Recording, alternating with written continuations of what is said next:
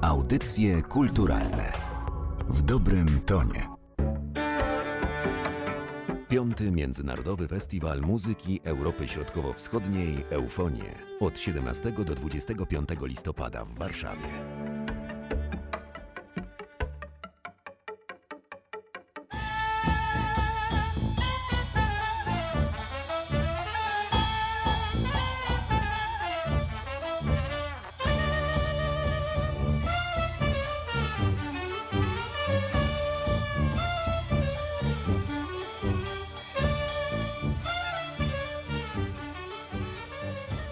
Martyna Matwiejuk. Słuchają Państwo podcastu Narodowego Centrum Kultury. Moim gościem jest dziś Łukasz Luk-Rostkowski, producent muzyczny, raper, twórca muzyki do filmu Chłopi. Dzień dobry, witaj. Dzień dobry, kłaniam się. Chłopów zobaczył już ponad milion widzów. Produkcja jest polskim kandydatem do Oscara. Do tej nagrody w kategorii Best Original Score y, został zgłoszony także soundtrack Twojego autorstwa. Opowiedz Łukaszu najpierw, co wydarzyło się kilka dni temu w Los Angeles. E, no tak, rzeczywiście po prostu wielka, wielka przygoda i potężna zmiana planów życiowych, zupełne podporządkowanie złotemu człowieczkowi o imieniu Oskar. Niesamowite rzeczywiście, jakie rzeczy się wydarzyły ostatnio. Po prostu jak dowiedziałem się, że będę walczył o Oscara, no to sprawdziłem w Google, jak dostać Oscara, ale nie było zbyt dużo o tym, więc postanowiłem wykonać parę innych telefonów no, niewątpliwie po prostu musiałem to wszystko rozpoznawać od zera, dlatego zajęło nam to trochę czasu. Nie ma też tak dużego doświadczenia w zgłaszaniu polskiej muzyki do Oscarów w ogóle, bo jakoś tak nawet Jan Kaczmarek, jak dostawał Oscara, to dostawał za Finding Neverland, jednak amerykańską produkcję, także wszyscy trochę przecieraliśmy teraz szlak. Natomiast no rzeczywiście udało się dokonać fajnych rzeczy, ponieważ dostaliśmy się na taki prestiżowy koncert magazynu Deadline, który prezentuje muzykę, mm, która będzie walczyć o Oscara, kompozytorów i ich kompozycje poprzez 10-minutowy taki show i Q&A branżowe i, i, rzeczywiście tutaj dzięki pomocy też Polskiego Instytutu Sztuki Filmowej i Breakthrough Films udało się nam po prostu na taki koncert dostać. Zaprezentowaliśmy to w Los Angeles. Ja poleciałem tam na kilka dni, miałem wrócić, potem jeszcze raz polecieć, nagle okazało się, że właściwie musiałem tam zostać 3-4 tygodnie non-stop. Także bardzo ciężki, intensywny czas. W nagłym, bardzo krótkim czasie musieliśmy się do tego przygotować, ale myślę, że, że czas bardzo dobry. Udało się nam też po prostu pozyskać agenta do promocji tej muzyki w drodze do tych Oscarów. No, jesteśmy tu zupełnie nowi i jestem tak gościem zupełnie z zewnątrz, więc mam do tego podejście z dużą pokorą, ale, no, ale próbujemy po prostu robić oczywiście wszystko możliwie najlepiej, jak potrafimy, tak jak zawsze skoro nadarzyła się taka szansa. Jesteśmy po tej prezentacji zamkniętej w Los Angeles, a teraz już absolutne skupienie na, na premierze koncertowej pełnej na eufoniach. Tak jest. Trzymamy za Was oczywiście kciuki. Piszecie o tej ścieżce dźwiękowej jako o kompendium muzyki słowiańskiej. W wywiadzie dla audycji kulturalnych D.K. Welshman mówiła o tych szerokich inspiracjach muzycznych, o wychodzeniu poza tradycje lokalne. Czy czujesz, że dzięki temu ta muzyka jest rozumiana i dobrze odbierana również za oceanem? No myślę, że, że to bardzo pomogło, bo to, że nie chcieliśmy e, powtarzać e, takiego podejścia muzycznego z, z, lat 70., czyli tej dawnej ekranizacji chłopów, to jedna rzecz to dlatego, że nie chcieliśmy po prostu czegoś robić znowu tak samo, rzecz jasna. Po drugie, film jest bardzo malowniczy, malowany, baśniowy, więc jakby też nam tutaj zależało na, na tworzeniu czegoś zupełnie innego, na, na troszeczkę innym podejściu do tej muzyki, a trzy, oczywiście absolutnie pewnego rodzaju uniwersalizm plus, plus Rebel Babel Film Orkiestra jako idea orkiestry, która spotyka narody, pokolenia, amatorów i zawodowców, jakby no, grała nam tutaj bardzo mocno w tym filmie i dlatego też oczywiście sięgnęliśmy po takie szerokie spektrum tej muzyki. Chciałoby się jeszcze szersze, oczywiście, chciałoby się jeszcze dużo szersze, ale no niestety pewnych rzeczy nie byliśmy w stanie osiągnąć. Natomiast myślę, że tak, że bardzo to teraz pomaga, dlatego że jednak e, ta muzyka stricte folkowa, stricte ludowa, taka lokalna, polska, mm, ona jest dosyć trudna. To jest jednak trudna muzyka, dosyć hermetyczna więc nam zależało na tym, żeby troszeczkę ją jednak wzbogacić, trochę ją zuniwersalizować. Też film jest stworzony przez Polaków, Amerykanów i Brytyjczyków, więc naturalnie też te wpływy kulturowe się mieszały, czyli ten, ten polski folk po prostu tutaj naturalnie też został zblendowany, że tak powiem, z nieco inną estetyką, ale myślę, że skutek właśnie jest taki, że mamy wydanie tej płyty przez Milan Records, które wydaje Hansa Zimmera i w ogóle najlepsze soundtracki na świecie i mamy dużo, dużo niesamowitego feedbacku ze świata na temat tej muzyki. To, to było widać po Toronto już po festiwalu, gdzie ludzie podchodzili z, z Azji, z Japonii, gdzieś po prostu z, z Australii i rozumieli tę muzykę, ich, jej emocje. Także bardzo fajne rzeczy się dzieją w związku z tym soundtrackiem. Zostanę jeszcze przez chwilę przy tym wątku, jeśli pozwolisz, bo z drugiej strony też y, pojawiają się takie głosy, takie opinie tutaj w naszym polskim środowisku, że może ta muzyka jest trochę jednak za daleko od tej tradycyjnej muzyki łowickiej. Wiemy, że została też wydana płyta przez Fundację Muzyki Zakorzenionej. Jaki ty masz do tego stosunek? No, możemy z pewnością stwierdzić, że, że ten temat wywołany filmem Chłopi rezonuje, to z pewnością. No mam taki, że bardzo dobrze, że rezonuje, w sensie, że fajnie, że się dzieją dyskusje, naturalne są przecież emocje ludzkie, że na pewno każdy chciałby też wziąć udział w takim przedsięwzięciu wspaniałym. Ja nie jestem w stanie, że tak powiem, zadowolić wszystkich. I fajnie, że dzieją się takie dyskusje. Bardzo dużo przestrzeni przed nami w aspekcie koncertów, dlatego że Rebel Babel ma właściwie od samego początku taką nieco kolbergowską właściwie naturę, o czym nawet nie wiedziałem. Właściwie to dopiero przy okazji pracy nad chłopami zrozumiałem, że, że trochę jak Kolberg podróżuje z tą orkiestrą, wciągając lokalne zespoły, więc tutaj bardzo duża przestrzeń przed nami w koncertach, gdzie będziemy zapraszać lokalne zespoły, które będą grały muzykę z chłopów, ale będą też miały swoje przestrzenie do prezentacji takich bardziej lokalnych brzmień. Natomiast w samym filmie no, kwestia jest absolutnie niedyskutowalna. No, muzyka zakorzeniona tutaj od samego początku podnosi, próbuje być zauważona. No to nie było to brzmienie, po prostu my nie tego szukaliśmy. Po prostu przeszukiwaliśmy bardzo dużej ilości muzyków polskich, polskiej muzyki korzeni.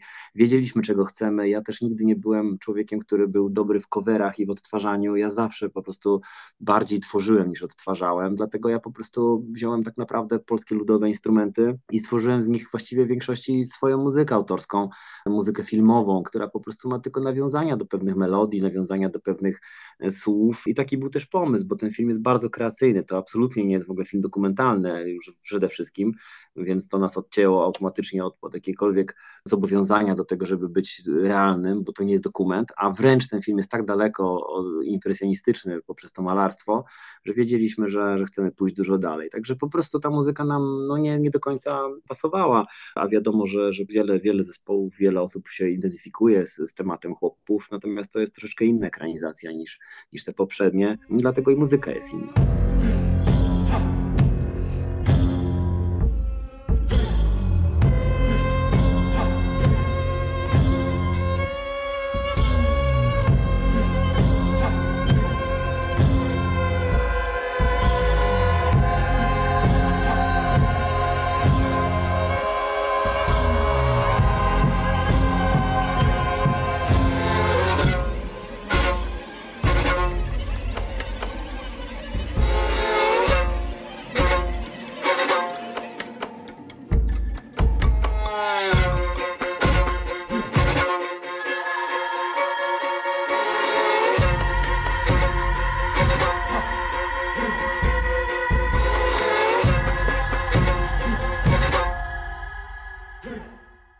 Zaprosiłeś też do tego projektu zresztą artystów, którzy na co dzień zajmują się zarówno muzyką tradycyjną, jak i muzyką folkową.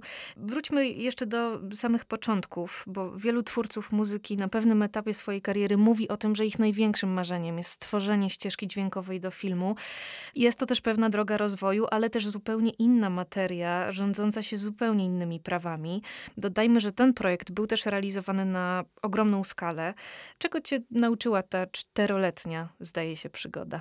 Bardzo wiele mnie nauczyła. No, nauczyła mnie wiele na bardzo wielu płaszczyznach, ale przede wszystkim nauczyła mnie cierpliwości i gdzieś tam pokory na pewno nauczyła mnie też właśnie w jakiś sposób pewności siebie, chociażby w aspekcie tych właśnie różnych głosów, tego, że każdy coś mówi, a trzeba znaleźć po prostu swoją drogę, którą się ten film opowie i doprowadzi się do sukcesu po prostu, niezależnie od tego, że coś trzeba albo że coś należy, czyli też trochę trzeba mieć się zbuntować przeciwko pewnym rzeczom. Więc tego też mnie ten film nauczył. No, nauczył mnie po prostu też, jak wielką rolą jest współpraca, drużyna, zespół i, i to po prostu zarówno w aspekcie pracy nad filmem, jak i właśnie nad samą muzyką, no, ale przede wszystkim nad filmem, jakby jaka to jest ogromna rodzina potrzebna, współgrająca razem ze sobą, rezonująca. To się udało D.K. Welchman jako reżyserce po prostu i Hugh Welchmanowi udało im się zebrać niesamowitą ekipę, która rezonuje, która ze sobą współgrała. Bardzo dużo zaryzykowali, dając mi zrobienie muzyki, dając Danieli komend, że zrobienie choreografii, jako że ona nigdy nie robiła filmu, obsadzając Kamilę w roli głównej, która nigdy nie grała w filmie, więc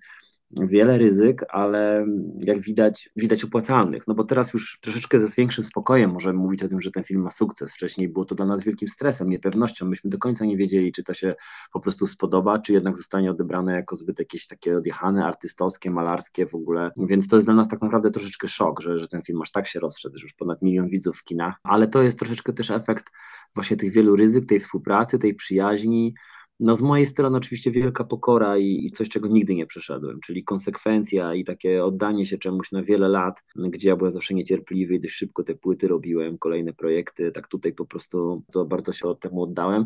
I oczywiście mogę mówić, że jest tutaj dużo mojej muzyki autorskiej, którą napisałem, rzecz jasna, ale też nie mogę nie, nie zauważyć wielkiego wkładu wspaniałych muzyków, którzy czynili tę muzykę wyjątkową. To jest właśnie Sutari, Laboratorium Pieśni, Tęgie Chłopy, no mnóstwo, Maria Pomianowska, mnóstwo zespołów i wspaniałych muzyków, którzy są tej muzyce folkowi oddani od lat, tak? bo to też trzeba powiedzieć, że jednak mm, ja zawsze robiąc muzykę stawiam na autentyczność, ale lubię się nią bawić i odkształcać, więc jakby tutaj zaprosiłem wielu autentycznych muzyków ludowych, chociaż nie do końca wcale właśnie akurat łowickich, bo chłopi są w Lipcach i tak dalej, no bo takiego patologiczne myślenie mnie do końca nie interesowało, ale po prostu wielu ludzi, którzy po prostu są oddani tej kulturze i to całe swoje życie i grają naprawdę tak, że reprezentują poziom światowy i to też dzięki nim, także wielkie podziękowania dla tych prawie 100 muzyków przy okazji tej rozmowy. A jakie znaczenie miało dla ciebie spotkanie z inżynierem dźwięku Jeffem Fosterem? No znaczenie miało wielkie, ale też dosyć gorzkie, bo przyznam, że zaprosiliśmy go do współpracy na ostatnim etapie, też kiedy czuliśmy, że powstało przez te 3-4 lata mnóstwo utworów, ciekawych kompozycji, ale że to wszystko jest kompletnie niespójne, no bo też trzeba umieć się przyznawać do swoich błędów i patrzeć na siebie krytycznie i tak nagle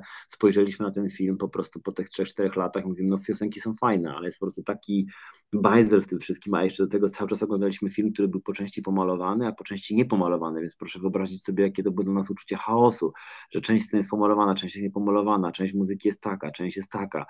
No i jakby to spotkanie z Jeffem było niesamowitą lekcją, bo po prostu poświęcił mi trzy dni, analizowaliśmy każdą scenę co do sekundy, minuty.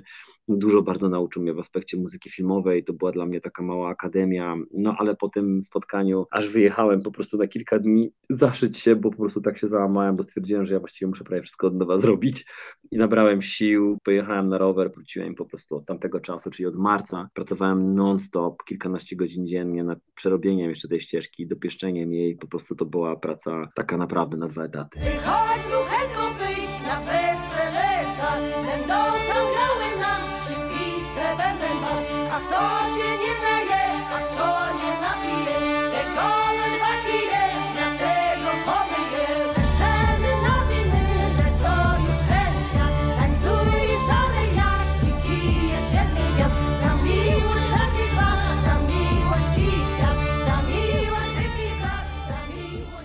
To jeszcze o kilka wspomnień cię zapytam, bo pojawiłeś się też na planie filmu. Możemy zresztą cię zobaczyć w roli akordeonisty w scenie wesela.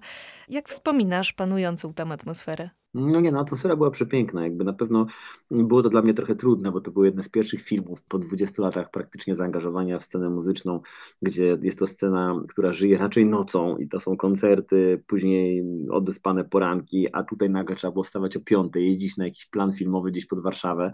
To było bardzo abstrakcyjne i dyskomfortowe dla mnie. Wyjście ze strefy naprawdę spore, ze strefy komfortu. Natomiast bardzo fajna atmosfera, wspaniali ludzie i oczywiście mnóstwo anegdot, jak choćby ta, że, że kiedy kręciliśmy scenę wesela właśnie, na której jestem akordeonistą, wszyscy w tej jednej izbie, to kończąc ją, wszyscy się rozjechali do domów, a godzinę później wydzwonił telefon, że jedna osoba na planie była chora na COVID. Był to czas samego początku COVID-a, kiedy dopiero wchodził zakaz w ogóle robienia wesel i trochę byliśmy przerażeni, a trochę śmialiśmy się, że chyba się zaraz wszyscy zarazimy na weselu Boryny i Jagny po prostu, bo to było filmowe wesele i rzeczywiście stres był spory, musieliśmy spać gdzieś wszyscy poza domami, bo to był początek tej pandemii. Ostatecznie wszystko, wszystko było ok, nikomu nic się większego nie stało, ale tak, było to wielkie ryzyko. Później były zdjęcia przerwane do filmu, no bardzo dużo takich różnych trudnych przygód związanych z tym, co się działo na świecie przez te trzy lata. Ten film naprawdę nie miał łatwo, miał bardzo pod górę. Czy czujesz, że to wszystko, co się teraz wokół niego dzieje, coraz bardziej cię oddala od y, świata rapu i już jesteś na zupełnie innej ścieżce, w zupełnie innym miejscu? To, to jest dobre pytanie. Wczoraj sobie czytałem taką książkę o magiku, którą dostałem od, od syna magika, od Filipa.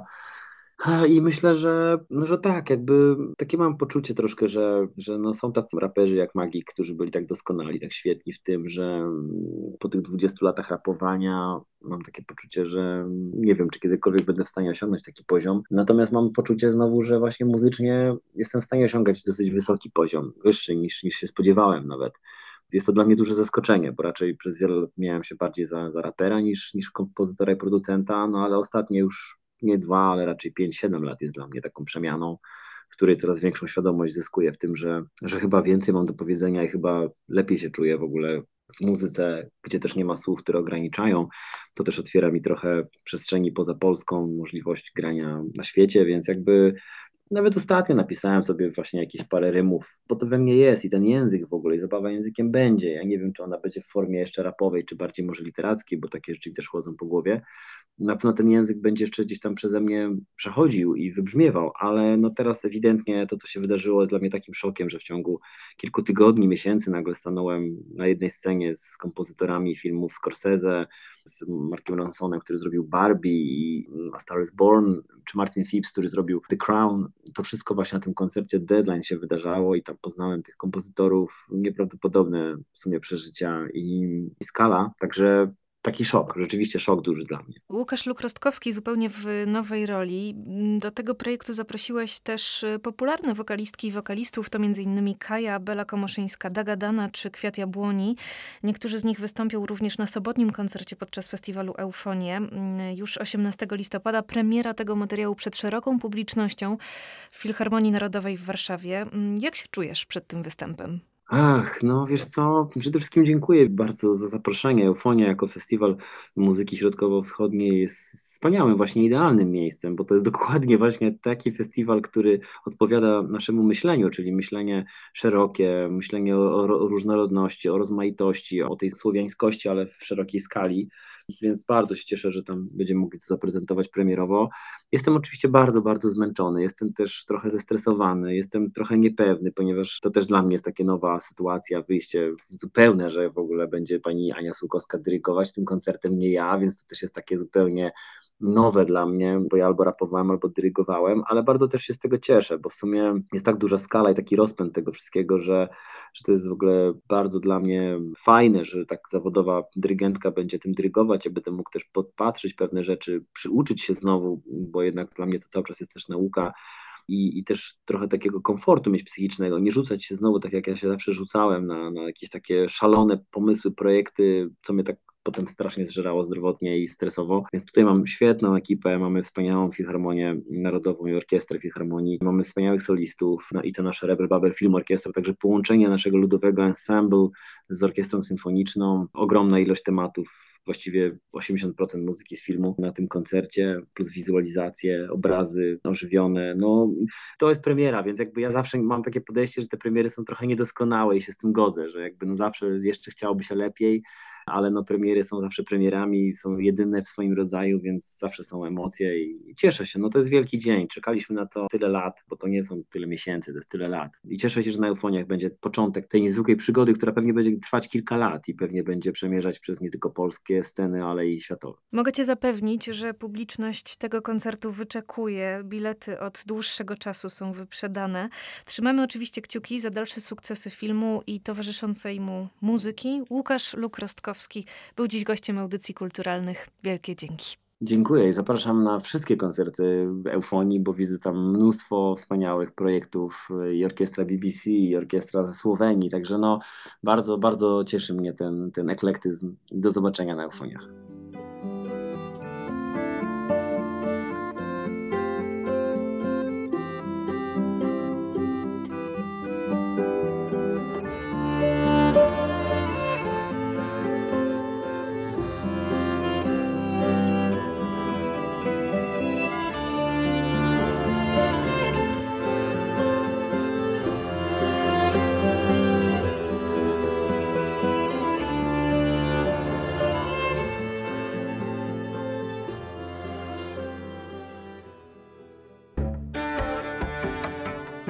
Międzynarodowy Festiwal Muzyki Europy Środkowo-Wschodniej Eufonie od 17 do 25 listopada w Warszawie.